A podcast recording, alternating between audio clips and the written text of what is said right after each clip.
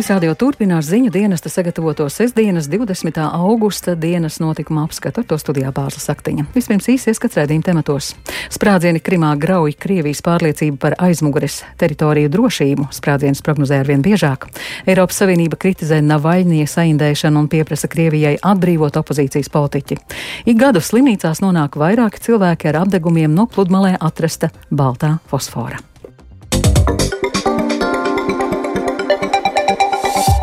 Ukrainas pilsētas šodien piedzīvojušas kārtējās Krievijas raķešu apšaudes. Savukārt Krievijas okupētajā Krīmas pussalā noticis vēl viens spēcīgs sprādziens. Eksperti prognozē, ka tādi notiks arvien biežāk. Nedroša situācija saglabājas Zaporīžas atomelektrostacijā. Rietumvalstu politiķi spriež, ka Krievijas uzbrukums spēkstacijai nozīmētu NATO līguma 5. panta pārkāpumu. Plašāk par notikumiem Ukrainā kara 178. dienā stāsta Uldis Čezberis. Vismaz deviņi cilvēki guvuši ievainojumus, kad Krievijas karaspēka raidīta raķete trāpīja piecstāvu dzīvojamajā ēkai Voznesenskas pilsētā Mikolaivas apgabalā. Ievainoto vidū ir četri bērni vecumā no 3 līdz 17 gadiem. Viens no bērniem uzbrukumā zaudēja aci. Šorīt kārtējais sprādziens nogranda Krievijas okupētajā Krīmas pussalā. Šoreiz par mērķi kļuva Krievijas Melnās jūras kara flotes štābs Sevastopolē. Ēkas jumtā ietriecās bezpilota lidaparāts. Sociālajos tīklos publicētajos video redzams, ka no štāba paceļas dūmi. Sevastopoles vietvaldis Mihails Razvožājevs sākotnēji paziņoja, ka dronu neizdevās notriekt un tas trāpīja mērķī. Taču vēlāk amatpersona ziņoja, ka lidaparāts ir notriekts virs štāba, bet pēc tam tas nokritis uz jumta un aizdedzies. Pēdējās nedēļās vairākos Krievijas militārajos objektos Krimā ir notikuši sprādzieni, kas visticamāk ir saistīti ar Ukrainas spēku diversijām. ASV Domnīcas kara izpētes institūts eksperti norāda, ka nesenie sprādzieni Krimā grauj Krievijas pārliecību par aizmugures teritoriju drošību, par to liecinot arī pastiprinātie piesardzības pasākumi Krimā. Šonadēļ uzņemtajos satelīta attēlos esot redzams, ka okupācijas spēki pārved munīciju un bruņu tehniku tuvāk laukiem un mežiem. Savukārt Ukrāņu militārais eksperts Oļegs Ždanovs komentējot sprādzienus Krimā sacīja, ka tas liecina par Ukrainas apņēmību atgūt Krievijas okupēto pussalu. Kāds okupantiem liek saprast, ka zeme zeme zem viņu kājām deg, un tādi gadījumi, kā piemēram uzbrukumi Kerčā un Belbekā, kur atrodas lielākā aviobāze Krimā, turpmāk notiks regulāri. Kāds okupantiem liek saprast, ka viņu laiks ir pagājis. Lielbritānijas militārie izlūkdienesti savā jaunākajā ziņojumā norāda, ka šajā nedēļā frontē Ukrainā nav notikušas būtiskas pārmaiņas. Krievijas karaspēkam nav izdevies gūt vērā ņemamus teritoriālus panākumus Donetskas, Harkivas un Zaporīžas apgabalos. Arī dienvidrietumos, kur notiek cīņa par Helsonas apgabalu, ne Ukrainas, ne Krievijas spēkiem nav izdevies gūt kādas priekšrocības. Vienlaikus Britu izlūki norāda, ka regulārie sprādzieni Krievijas spēku aizmugurē ļoti iespējams apgrūtina iebrucēju loģistiku. Neraugoties uz Ukrainas un Krievijas apusējām apsūdzībām par plānotām provokācijām Zaporīžas atomelektrostacijā, pēdējās dienas laikā spēkstacijas tūmā nav novērotas nopietnas militāras aktivitātes, taču joprojām pastāv nopietni draudi atomelektrostacijas drošībai, jo tās teritorijā ir izvietots liels skaits Krievijas militāru personu un bruņu tehnikas. Ietekmīgi rietumvalstu politiķi ir paziņojuši, ka NATO varētu nākties iedarbināt alianses līguma piekto pantu gadījumā, ja Krievijas uzbrukums Zaporīžas atomelektrostacijai izraisītu radiācijas noplūdi. Lielbritānijas parlamenta pārstāvju palātas īpašās aizsardzības komisijas vadītājs Tobijas Selvuds paziņojis, ka jebkādi tīši bojājumi, kas izraisītu radiācijas noplūdi Zaporīžas atomelektrostacijā, būtu uzskatāms par NATO līguma piektā panta pārkāpumu. Viņam piekrīt ASV kongresa kongresa pārstāvju palātas deputāts Ādams Kinzingers. Viņš norāda, ka tas pat nav apspriežams, jo radiācijas noplūde Zaporīžas atomelektrostacijā nogalinātu cilvēkus NATO dalībvalstīs, bet tas automātiski nozīmētu NATO līguma 5. panta iedarbināšanu. Uldis Česberis, Latvijas radio. Eiropas Savienība pieminot otro gada dienu kopš Krievijas opozīcijas politiķa Aleksēna Navaļņajā noindēšanas mēģinājuma, šodien izplatīja paziņojumu, kurā kārtējo reizi nosodīja opozicionāras slepkavības mēģinājumu un pieprasīja veikt notikušā objektīvu izmeklēšanu. Bloks arī pieprasīja Krievijai nekavējoties atbrīvot Navaļniju no ieslodzījuma, kurā viņš atrodas kopš atgriešanās dzimtenē 2021. gada janvārī. Paziņojumā arī norādīts, ka Krievijā ir pastiprinājušās politiskās represijas pēc Krievijas izraisītā neizprovocētā kara Ukrainā. Navaļniju 2020. gada 20. augustā saindēja ar nervus paralizējošo vielu Novičok, kad viņš atradās Krievijas pilsētā Tomskā. Vēlāk paša veiktā izmeklēšanā Navaļnijas noskaidroja, ka viņa noindēšanas mēģinājumu īstenoja Krievijas Federālā drošības dienesta aģenti.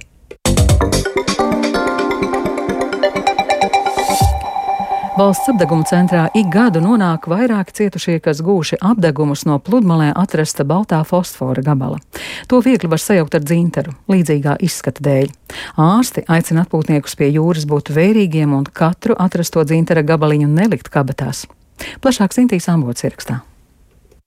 Rīgas Austrum Kliniskās Universitātes slimnīcas apdeguma centra vadītājs ārsts Sergejs Smirnovs stāsta, ka šogad pagaidām bijuši divi pacienti, kas apdedzinājušies ar no jūras izskalotu balto fosforu, bet viņš pieļauj, ka vēl daļa cietušo pie ārstiem nevēršas. Viens rokā sadega, kas rokā plaukstā visbīstamākais, tur ir tas uh, ādas muskuļu slānis diezgan, nu, tāds plāns, un līdz ar to bieži vien šie apdegumi aiziet līdz pat uh, kauliem, locītavām, un tās ir diezgan nopietnas uh, operācijas. Otrs gadījums uh, vīrietis ielika biksēs, un uh, sāka degt kreisā gurna un kreisā augšķilba apdegumi, nu, ārstējās viņš trīs nedēļas, bet uh, iztikām bez operācijas, un uh, mums jau arī ārzemnieki nokļūst pie mums, kas īsto šo problēmu, nu, nu tā nezina, jā, viņi uzreiz viņi zina, ka dzintars ir, un uzreiz ķert. Neapstrādāta dzintara rotu darinātāja Ilze Vainovska stāsta, ka dzintara ķeršanas sezona sāks rudenī, bet vasarā tos īpaši daudz meklē atpūtnieki. Jau daudzus gadus nodarbojoties ar dzintara meklējumiem, Liepainietis tāpat cenšas sevi pasargāt no iespējamās apdedzināšanās. Tas ir aktuāli, tas burtiski pirms dažām dienām arī sociālajos tīklos izskanēja viena man pazīstama lietuviešu bēdu stāsts, kurš jau otrajā paudze arī ar dzintaru nodarbojās, ka viņa puika bija iebāzis rūšu kabatiņām to, ko bija domājis dzintaru esam, bet izrādījās, ka tas ir fosfors, ja ka tieši arī pats dzintars cilvēks nav pasargāts no tā, tā kā to noteikti ir vērts atgādināt vēl un vēl. Katrā gadījumā nebāzt kabatās, bet kādā trauciņā. Viņš pats aizdegsies no sevis, arī ja būs pietiekami ilgu laiku vējā, saulē, dzīvā dabā. Ārsts Sergejs Smirnovs vēl piekodina, ka aizdegušos fosforu jācenšas apdzēst ar kādu auduma gabalu, jo dzēšot ar ūdeni tas var turpināt degt. Taču pirmkārt ātri ir jānoroja degošās vai kūpošās drēbes un nekavējot nekavējoties jāmeklē arī ārstu palīdzība, jo tas ir arī termiski ķīmisks apdegums. Fosfors uzliesmo 36 līdz 42 grādu temperatūrā. Un kamēr viņš sasils, dažu minūšu laikā viņš sāk degt vai plaukstā. Tas pat visbīstamākais, jo tieši saskare ir ar ādā. Fosfors ir ne tikai ķīmiska viela, bet arī toksiska viela, kas var caur ādu iesūkties ķermenī.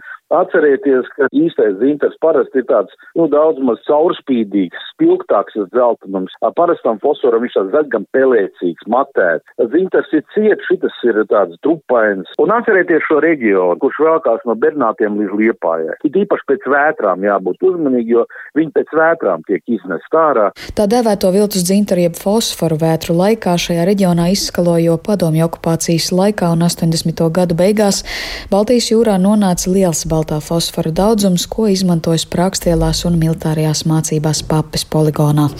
Sinti Ambote, Latvijas radio.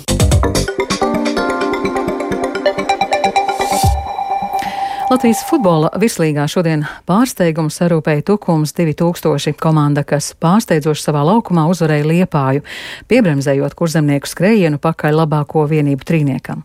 Šodien futbola virslīgā vēl divas cīņas, un viena no tām klātienē vēroja arī Mārtiņš Kļavnieks. Ar viņu esam sazinājušies tiešraidē sveiks Mārtiņ, kuru maču tu šodien vēroji, vai tas jau noslēdzies? Sveika pārsla un sveiki arī Latvijas radio klausītāji šeit no Daugavas stadiona Rīgā. Jā, vēroju maču, kurā tikās Meta un Jūrmals Spartaks, 8. un 9. vietas īpašnieki šobrīd Latvijas futbola virslīgā, bet vispirms nu dienu pastāstīšu par to pārsteigumu, ko tukumnieki sagādāja, proti Liepājas komanda Tukuma stadionā ar 1 pret 2 šodien piekāpās Tukums 2000 telmas futbolistiem un kurzemnieki, protams, cerēja šodien uzvarēt un turpināt sīju cīņu par pirmo trīnu trīnieku, bet šis zaudējums pagaidām liek palikt 4. vietā virslīgā. Interesanti, ka tukumnieki pusi spēles bija mazākumā, bet liepainieki pirmajā puslaikā nerealizēja 11 metru sodu sitienu. Bet nu, par spēli, ko es tik, tikko vēroju, jā, tā pavisam nesen pirms dažām minūtēm arī noslēdzās šeit Daugavas stadionā Rīgā un meta pret Jūrmālas Spartaku. Šī spēle beidzās ar bezvārtu neizšķirtu 0 pret 0. Mačs bija visai vienmuļš. Pirmajā puslaikā vairāk vārtu gūšanas iespēja bija mainiekiem, bet otrajā viesiem no Jūrmalas bija arī sitiens pa vārtu stābu ļoti bīstams. Jūrmalniekiem padevās otrā puslaika otrajā pusē jāizceļ, ka šo spēli no tribīnēm vēroja metas galvenais treneris Andris Rihards un vārdsargu treneris Artūrs Biezais. Viņiem piešķirtas diskvalifikācijas par nesavaldību iepriekšējā mačā. Nolaiž skaļie metas fani šoreiz tribīnēs nebija, tur esot um, vien plakātām ar, uzrak ar uzrakstu Nav cīņas, nav atbalsta. Bet skaļi bija Jūrmālas Spārtaka atbalstītāji, un te arī drusciņi varam paklausīties, ko es šodien dzirdēju stadionā. Esat sveicināti cienījamie futbola līdzekļi, šodien spēlēs starp FK Meta un Spartaks Jūrmāla komandām.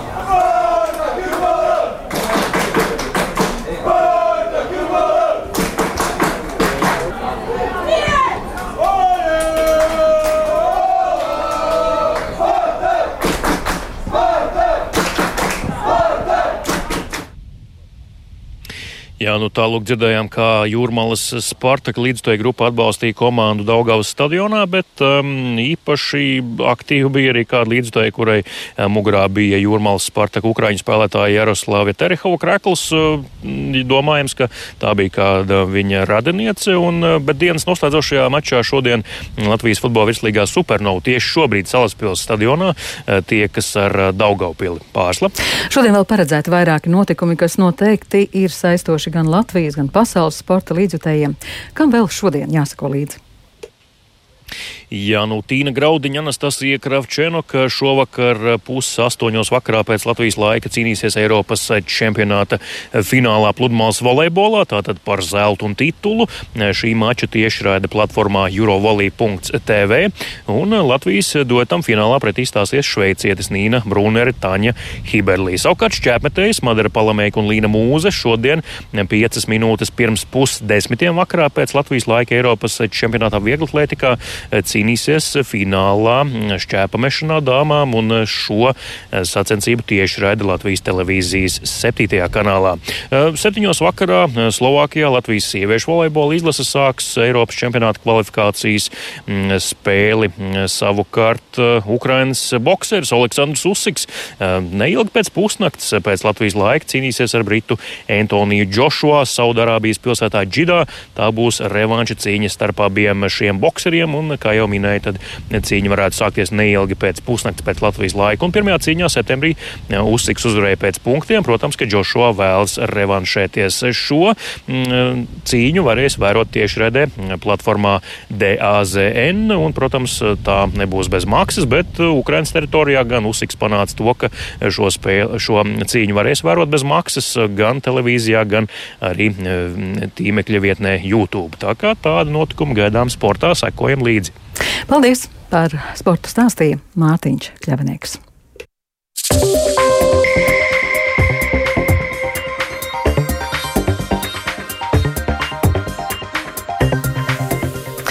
Ar to arī skan dienas notikuma apskats. Producents Viktors Pupiks ierakstus montēja Renāša Steimanis par labskaņu rūpējā sievietes zvejniece, un ar jums runāja Pārslas Saktiņa. Īsi par svarīgāko sprādzieni Krimā grauj Krievijas pārliecību par aizmugures teritoriju drošību. Sprādzienus eksperti prognozē arvien biežāk. Eiropas Savienība kritizē Navaļnie saindēšanu un pieprasa Krievijai atbrīvot opozīcijas politiķi, un ik gadu slimnīcās nonāk vairāk cilvēki, kas gūši apdegumus no pludmalē atrast atrasta baltā fosfora. Šī raidījuma atkārtojums raidierakstu platformās un Latvijas radio mobilajā lietotnē. Latvijas radio ziņām sekojiet arī Latvijas radio viens Facebook lapā un LSMLV. Yeah.